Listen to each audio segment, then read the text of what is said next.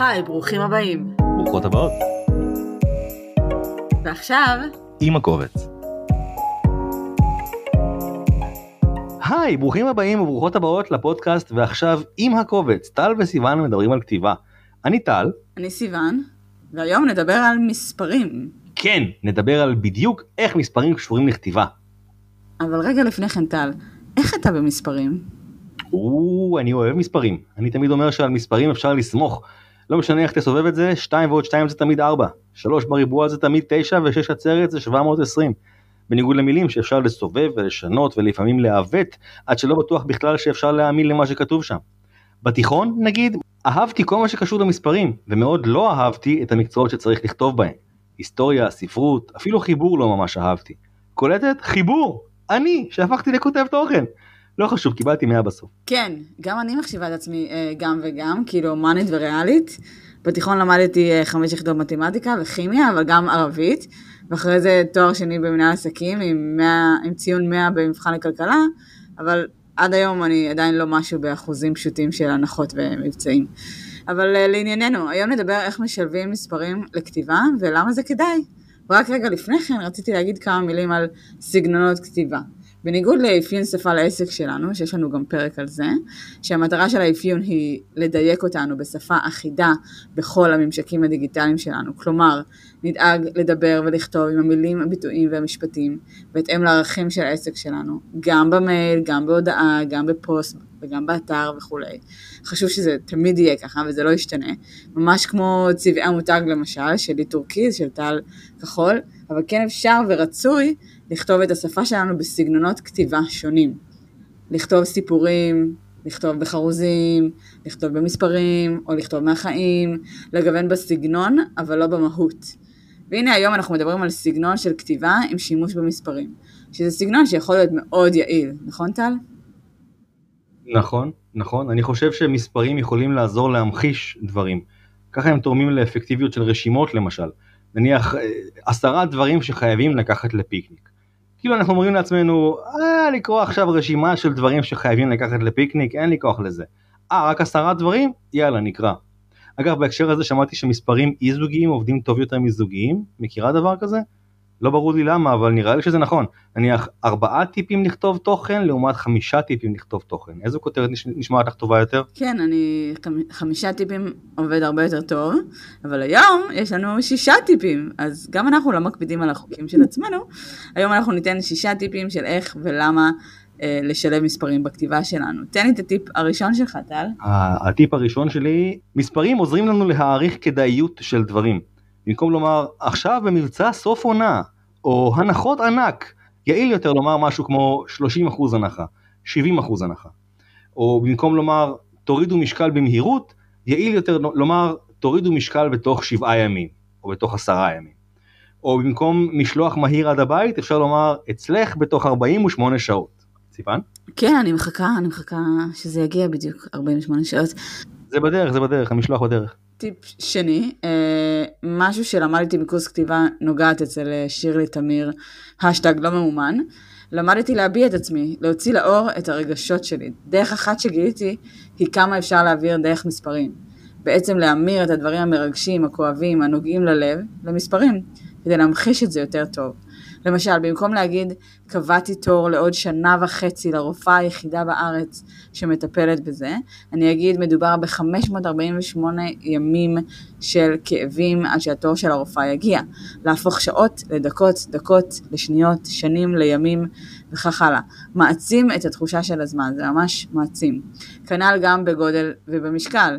היה לי כל כך כבד, כאילו סחבתי 30 סלים של הסופר, הרגשתי שהיה לי קשה לקום מהמיטה, כאילו נפלו עליי 40 אוטובוסים.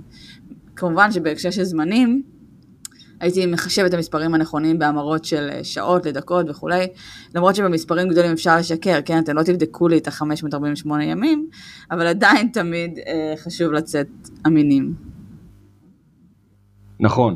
אה, טיפ שלישי, מספרים יכולים לעודד דחיפות מהמילה דחוף. גם זה בעצם קצת מתחבר לתכונה הזאת של מספרים שממחישים דברים.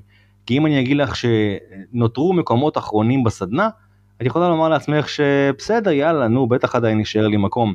אבל אם אני אגיד לך שנותרו רק שני מקומות, פתאום תגידי לעצמך, אוי, המקומות באמת עומדים להיגמר.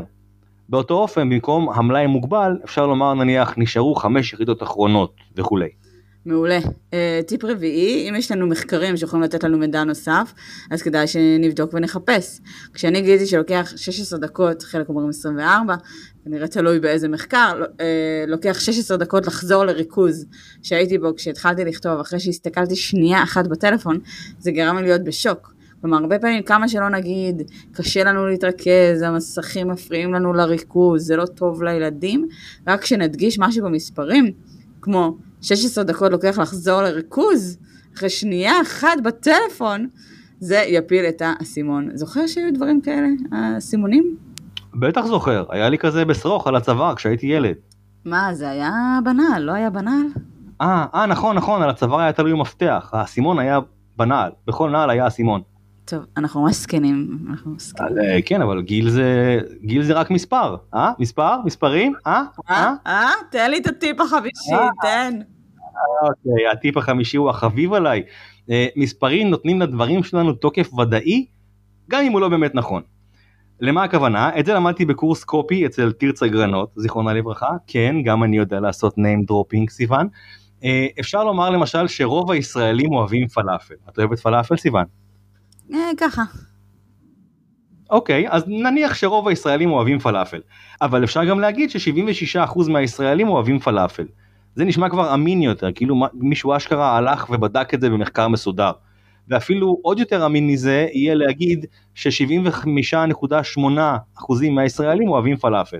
נו, אם קודם חשבנו שמישהו עשה איזה מחקר, עכשיו עם הנקודה 8 הזה בוודאות זה מוכיח שהנתון אמיתי, נכון? אני מאמינה, זה נשמע אמין. טיפ שישי, למנן. לא להשתמש במספרים בכל פוסט, בכל כתבה, בכל קמפיין. לא לעודד דחיפות כל הזמן, או לא לתת מחקרים כל הזמן, או לא לנסות לרגש דרך מספרים. כי יותר מדי מכל דבר זה יותר מדי, אם הבנת למה אני מתכוונת. זה בדיוק מחזיר אותי לנושא של סגנונות כתיבה. אנחנו גם מגוונים לעצמנו כשאנחנו כותבים אחרת, וגם מגוונים לקהל יעד שלנו. פעם אחת נשתמש בחרוזים, פעם שנייה במספרים, פעם שלישית נספר סיפור מרגש. וכולי. אני מסכים, ועוד תזכורת קטנה וחשובה, שצריך לשים לב שמספרים מגיעים גם עם איזו התחייבות, כי הם מדידים. אפשר למדוד אותם, זאת אומרת, לא צריך לשקר ולא צריך להגזים. אפשר לומר שנוריד במשקל בתוך שבעה ימים, וזה נשמע מגניב, אבל אחרי היום השמיני כבר אפשר אולי להתווכח עם זה. כנ"ל לגבי דוגמת הפלאפל שאמרנו קודם, הרי כל אחד יכול לבוא ולומר שהמספר שאמרנו לא נכון, ובעצם רק 43.2 אחוזים אוהבים פלאפל. עוד משהו קטן, כל הטיפים שנתנו היום הם לא חובה. אני תמיד מתחילה ואומרת שזה מעולה אה, לדעת את החוקים והכללים, את העצות שלנו מתוך הניסיון שלנו, אבל, וזה אבל גדול, תיישמו את זה איך שזה מרגיש לכם נכון. נכון, כמו שאנחנו הבאנו שישה טיפים במקום מספר אי זוגי. נכון, שישה טיפים, מה? לא חייב אה, חמישה כל הזמן. אה, אם אתם פחות בקטע של מספרים, אז בטח אל תכניסו את זה בכוח. אם אתם שונאים שכותבים לכם עוד שלוש שעות נגמר המבצע ואתם לא רוצים לעשות את זה, אז אל. מה שנקרא, אל תעשי לחברייך מה ששנוא עלייך. כי אם נעשה השקות ומספרים ומבצעים ו-30 אחוז וכולי, כשאנחנו לא באמת מתחברים או מאמינים לזה, אז זה יורגש, כי זה לא אנחנו, וכי זה לא ירגיש אמיתי לעוקבים וללקוחות שלנו. ואנחנו נגיע ונדבר על זה אה, אה, ברגע שתקשיבו לפרק אה, כתיבה ותחפושת. נכון, נכון. אז אה, זהו, סיימנו לדבר על מספרים להפעם, ורגע לפני שנסיים, נזכיר כרגיל שנשמח לקבל תגובות, רעיונות, שאלות, וכמובן שיתופים של הפודקאסט שלנו במספרים כמה שיותר גדולים. אפשר למצוא את סיוון באינסטגרם, אם תחפשו סיוון.רייטר, או את טל, אם תחפשו Handmade Content. אה, אנחנו גם בגוגל, סיוון בקטע אחר, או טל אייזנמן, תוכן בעבודת יד. זהו, סיימנו, נגיד משהו במספרים? או ש...